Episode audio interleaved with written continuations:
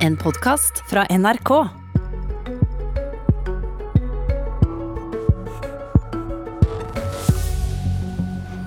I dag er det landsmøte i Høyre Politisk kvarter er på plass i landsmøtesalen med partileieren som vanlig. Men bortsett fra det er det lite som er som det bruker. I eh, salen bak meg her er det 200 pulter stilt opp sirlig med to meter avstand. Det er bare delegater fra Viken og fra Unge Høyre som får lov til å være med i salen. Resten av landet må være med på videolink, og eh, partileder Erna Solberg eh, og statsminister. Hvordan blir dette landsmøtet her? Det blir veldig annerledes, og det blir jo bare på én dag. Og eh, ja, vi har jo et behov for å få gjennomført landsmøtet vårt og få en politisk diskusjon, men det er klart eh, det blir ikke som et vanlig landsmøte. Det blir, kommer til å savne alle de som sitter ute, og håper at de får en opplevelse av at vi fortsatt står felles, og at vi har, eh, de får en følelse av ja, den dynamikken som vi alltid har på et landsmøte. Ja, For det blir ikke så mye mingling og politisk vers? Det blir ikke mingling, det blir ikke landsmøtefest, det blir ikke alle de andre tingene som også er en hyggelig del av, eh, del av et landsmøte. Og det blir jo mye mindre tid til den politiske debatten. Men heldigvis så skal vi ha landsmøte igjen til våren. Har, eh, og dette er jo det utsatte landsmøtet fra, fra, som vi egentlig skulle hatt i mars i fjor. Mm. Du sa på pressekonferansen før dette landsmøtet at en av de viktigste grunnene til å ha dette møtet, var at det trenger å, få en lovlig valgt leding. Høyre sier partiledelse har vært en stabil gjeng, for å si det forsiktig. Det har uh, sittet i mer enn ti år. Nå eh, var det på tide med ei utskifting nå? Ja, jeg hadde vært så glad hvis Bent Høie hadde fortsatt, men det er klart han har signalisert at han ikke tar gjenvalg til Stortinget. Og det betyr jo også at eh, det vil være naturlig å ja, gjøre litt fornyelse i partiledelsen. Og enhver partiledelse trenger litt fornyelse. En litt ny generasjon som kan komme inn, eh, komme med nye impulser. Eh, og kanskje tenke litt nye tanker og, og bidra til en annen dynamikk i ledelsen. Så det syns jeg er bra. Nå skal Tina Bru inn i partiledelsen. Hun er i hvert fall enstemmig innstilt. Ser du på henne som ei som kan ta over eh, etter det en dag? Absolutt, og vi har flere som kan det i vårt parti. Det er Gro godt i Høyre, for det er mange flinke talenter. Men det er klart uh, Tina har nå fått bli nestleder.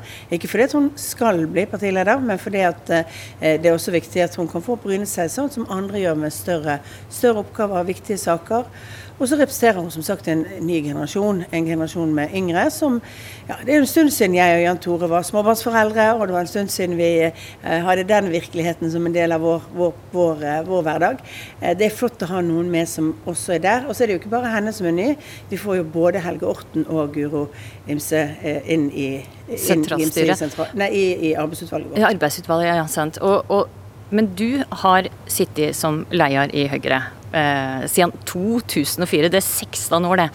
Den lengst sittende av dagens partiledere. Hvor lenge har du tenkt å bli sittende? Eh, så lenge partiet vil, og jeg syns at det fortsatt er motivert for det. Men eh, vil du fortsatt være motivert for det hvis det taper valget i høst? Eh, det må vi jo se på. Men jeg tenker at det er viktig å alltid være i noe. Og jeg, vi har jo ikke tenkt å tape valget, vi har jo tenkt å jobbe for å vinne det. Og da er mitt fokus fullt og helt på det. Og så tenker jeg at det jeg er glad for, er at vi har altså mye som vokser bak meg og bak Jan Tore. Mange flere som, som melder seg på. Men jeg syns jo at vi skal ha som ambisjon å ja, vinne valget, eh, sikre et sterkt Høyre og bidra til at eh, vi får fortsatt en politikk som skal skape flere jobber og sørge for å inkludere flere i arbeidslivet. Du, vi må snakke litt om Moria. For eh, flyktninge- og migrantleiren Moria på Lesbos eh, brann natt til onsdag. Og Onsdag morgen gikk det ut og sa at vi skal ta imot 50 asylsøkere fra Hellas. Når ble det bestemt at vi skulle ta imot akkurat 50 stykker? Det ble bestemt eh, i utgangspunktet i vår når vi bestemte hvor mange at vi skulle ta fra Moria. Der ligger vi litt i midtsjiktet de som nå er hentet fra Hellas. da. Det er jo Hellas vi henter fra, men det er mange fra Moria som er aktuelle for dette. Og så er det jo Eh, og så har vi lagt da omtrent eh, midt på det sjiktet av, av, av, personer som hentes.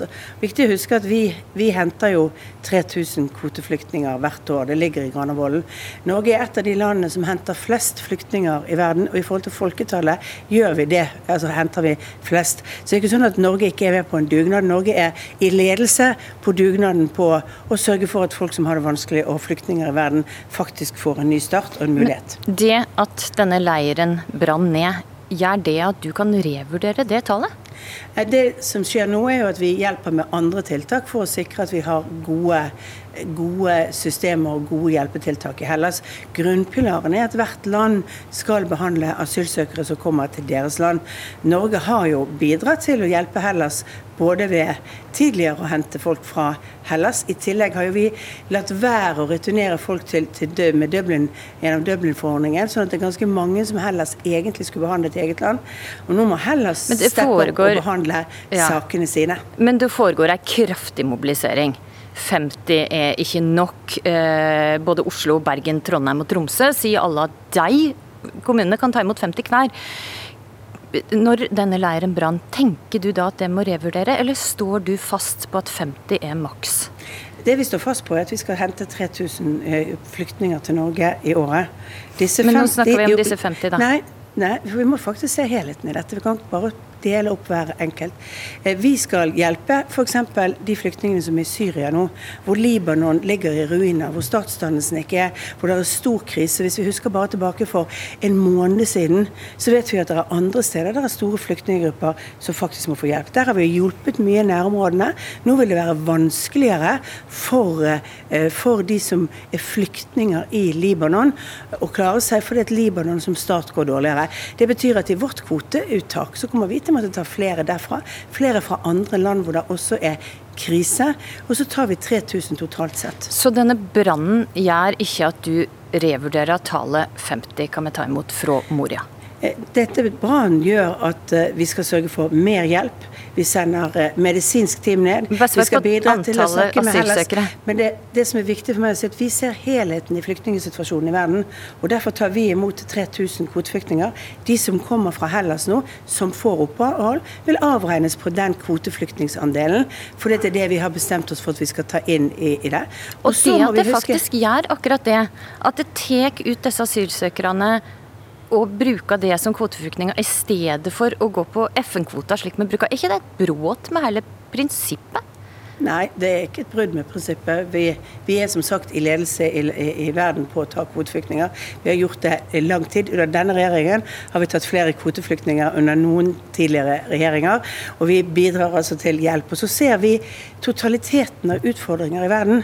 Og hvis du ser f.eks. på Libanon i dag, så vil jo alle se at der hvor vi før har gitt massiv hjelp inn for å hjelpe eh, de i nærområdet, så vil det nå fremover være et behov for at vi avhjelper Libanon med de syriske flyktningene der, og kan ta ut mer uttak fra de områdene. Bar barnefamilier som er i stor nød, og som for øyeblikket i et helt kaotisk land kommer til å trenge hjelp. Det er mange som trenger hjelp, men eh, også de som er i Moria nå trenger hjelp. Og dette tallet 50 er det i tråd med Norge sitt bilde som ei humanitær stormakt, eller er den tida der Norge skulle være ei humanitær stormakt litt forbi?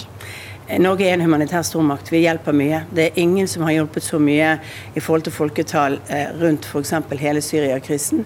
Og så får vi mest effekt av pengene våre når vi hjelper i nærområdene. Det er der vi hjelper absolutt flest. Jeg tror ikke det er noen land i verden som sier at Norge ikke er en humanitær stormakt. Dette dreier seg ikke om det.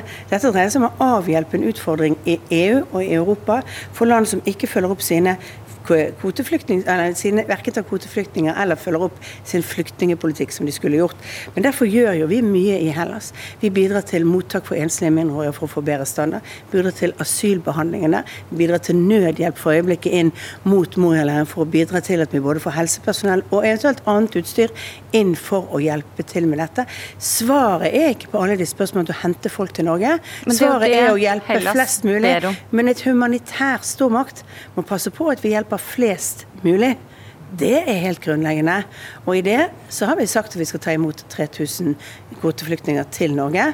Men da må vi også se at de, selv om mediebildet er stort på Moria og Hellas i dag, så er i utgangspunktet situasjonen veldig vanskelig andre steder i verden nå.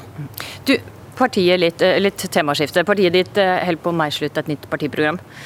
Det skal først til avstemning på landsmøtet som heter våren, men eh, i forslaget til nytt partiprogram så er det foreslått å stramme inn innvandringspolitikken, utvide åpningstidene til Vinmonopolet og for ølsalg i butikk, gi kommunene lov til å bestemme om butikkene skal være søndagsåpne. Det vil åpne for Lofoten, oljeboring i Lofoten og Vesterålen, og et flertall vil skrote kontantstøtta.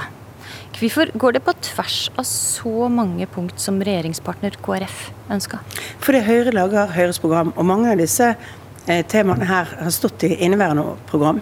Det sto i det forrige programmet. Dette er de prinsipielle spørsmålene hvor som Høyre har standpunkt til, og så er det noen nye temaer som er inne. Men det er jo ikke sånn at fordi vi samarbeider med andre partier at vi forandrer vår primærpolitikk. Men vi samarbeider, lager kompromisser, finner gode løsninger. Og så står det masse i det programmet som KrF er enig i. Det står f.eks. mye om valgfrihet for mennesker og sørge for å ta vare på de svakeste. Det står fortsatt at vi skal ha et stort fokus på rusomsorg, på psykisk helse helse, og at vi skal jobbe for å skape flere arbeidsplasser og inkludere flere. De store spørsmålene tror jeg vi finner en god felles plattform med Kristelig Folkeparti. Men historie har også vist at uh, disse standpunktene som jeg ramsa opp i stad, de er ting det er forhandla vekk. Skal velgerne tro på at dette faktisk kan bli politikk? De velgerne skal tro på er at vi kommer til å arbeide for å få gjennomslag for våre politiske saker. Men vi er også veldig tydelige på hva som er de aller viktigste sakene for Høyre. Og det er at folk har trygghet i hverdagen. At vi bidrar til at folk eh, kommer i jobb. At flere kan komme inn i en jobb. At vi bidrar til en økonomisk politikk som skaper mer utvikling. Og så Men kommer vi til å slåss for da, eller søndagsåpne butikker. Det har sagt dette i sju år. Du har sittet med makta i sju år. Det har ikke skjedd? Ja, men vi har foreslått forslag som ikke har gått igjennom i Stortinget på oppmykninger. Det er sånn, Vi har jo ikke rent flertall. Jeg kan jo invitere folk til å stemme inn et rent flertall. Så vil de få alt som står i Høyres program. Inntil da så må alle partier belage seg på at vi finner eh, gode kompromisser med andre partier som vi skal samarbeide med. Og så tror ikke folk skal være i tvil om hva hovedretningen er. Eh, Høyres eh, hovedretning er ikke et spørsmål om hvor lang åpningstid det er på Vinmonopolet. Det er at du og jeg skal sørge for at vi har en jobb fremover. At vi har trygghet, at vi tar Norge ut av den koronakrisen vi har. At vi får ned helsekøene. Det er de store spørsmålene Høyre har som hovedlinje for sin politikk. Mm. Er det på tide å skrote kontantstøtta nå? Jeg er jo tilhenger av kontantstøtte. Jeg har eh, vært det. Jeg var med på å få det inn i Høyres program. Jeg mener at det er å gi folk tillit til en valgfrihet, kommer jeg alltid til å mene.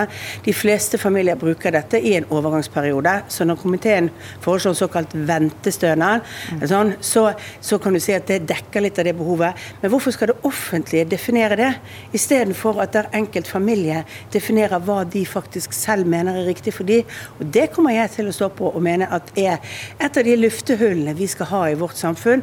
Fordi at hver familie er forskjellig, hvert barn er forskjellig. Jeg kjenner folk som har fått barn som har hatt stort behov for nærhet til sine foreldre, fordi et barn er forskjellig. For de kan ha litt andre utfordringer, hvor de ikke er helt modne for å gå i en barnehage på et tidspunkt. Men slagordet til Høyre er skape mer, inkludere flere. Er ikke kontantstøtte rett og slett det motsatte? Nei, det er det ikke. Det er med på at for noen familier så gir det et godt utgangspunkt når barna er små. Det gir valgfrihet til det. Det er også viktig for oss å huske at vi tar alltid utgangspunkt i enkeltmennesket. Og det er mulighetene, og tror at folk faktisk kan bestemme mer i sitt eget liv. Om du er pensjonist og skal få bestemme hvem som kommer hjem og hjelper deg på ditt mest intime når du trenger eh, hjelp, f.eks. gjennom fritt eh, brukervalg, okay. eller om det er for lov å bestemme mer i familien, så er dette en debatt vi har på hvert eneste programmøte. Eh, programlandsmøte. Ja. Men jeg tenker at eh, jeg kommer fortsatt til å mene at det er litt smålig å skulle styre over familiene på den måten ved å ta vekk en mulighet til å kunne være fleksibel i deres hverdag ut fra deres behov. Du, det er ikke lenge til det skal starte, starte forhandlingene om et nytt statsbudsjett for 2021 på Stortinget. Du har lova Frp citat, betydelig innflytelse på statsbudsjettet. Frp har lansert tre krav. Avgiftene på grensehandelvarer må ned til svensk nivå. Bistanden må kuttes til 0,7% av BNP. Helsekøene må fjernes raskt. Er du villig til å innfri disse kravene? Jeg skal forhandle med, med, Fremskrittspartiet i Stortinget, ikke i media. Så jeg kommer ikke til å svare på hva vi kommer til å være med på eller ikke. Først må jo Fremskrittspartiet også, og det hørte jeg Siv Jensen si, etter det landsstyremøtet hvor de hadde behandlet dette, at først må vi jo også se hva regjeringen faktisk kommer med. Og det kan jo være at de får noen gledelige overraskelser når vi kommer med statsbudsjettet på områdene som de er opptatt av. I tillegg så har vi sagt veldig tydelig at vi legger jo til grunn Granavolden som grunnlag for denne regjeringen. Det betyr at vi ivaretar Det bryr jo ikke Frp seg om. Jo, men vi legger det til grunn. Det betyr at Frp sine gjennomslag på Granavolden ivaretas i vårt arbeid. Samtidig ivaretar vi det Frp har gitt andre på det tidspunktet. Det betyr at jeg mener at forhandlingene nå må dreie seg om ting som kommer i tillegg til Granavolden, ikke omkamp på Granavolden. Jeg husker hvor fornøyd Fremskrittspartiet var for sine gjennomslag. Eh, det er ikke sånn at du får, får både gjennomslagene og kjøre ned de andres forslag. Der må jeg knipe det. Erna Solberg, tusen takk for at du var med i Politisk kvarter.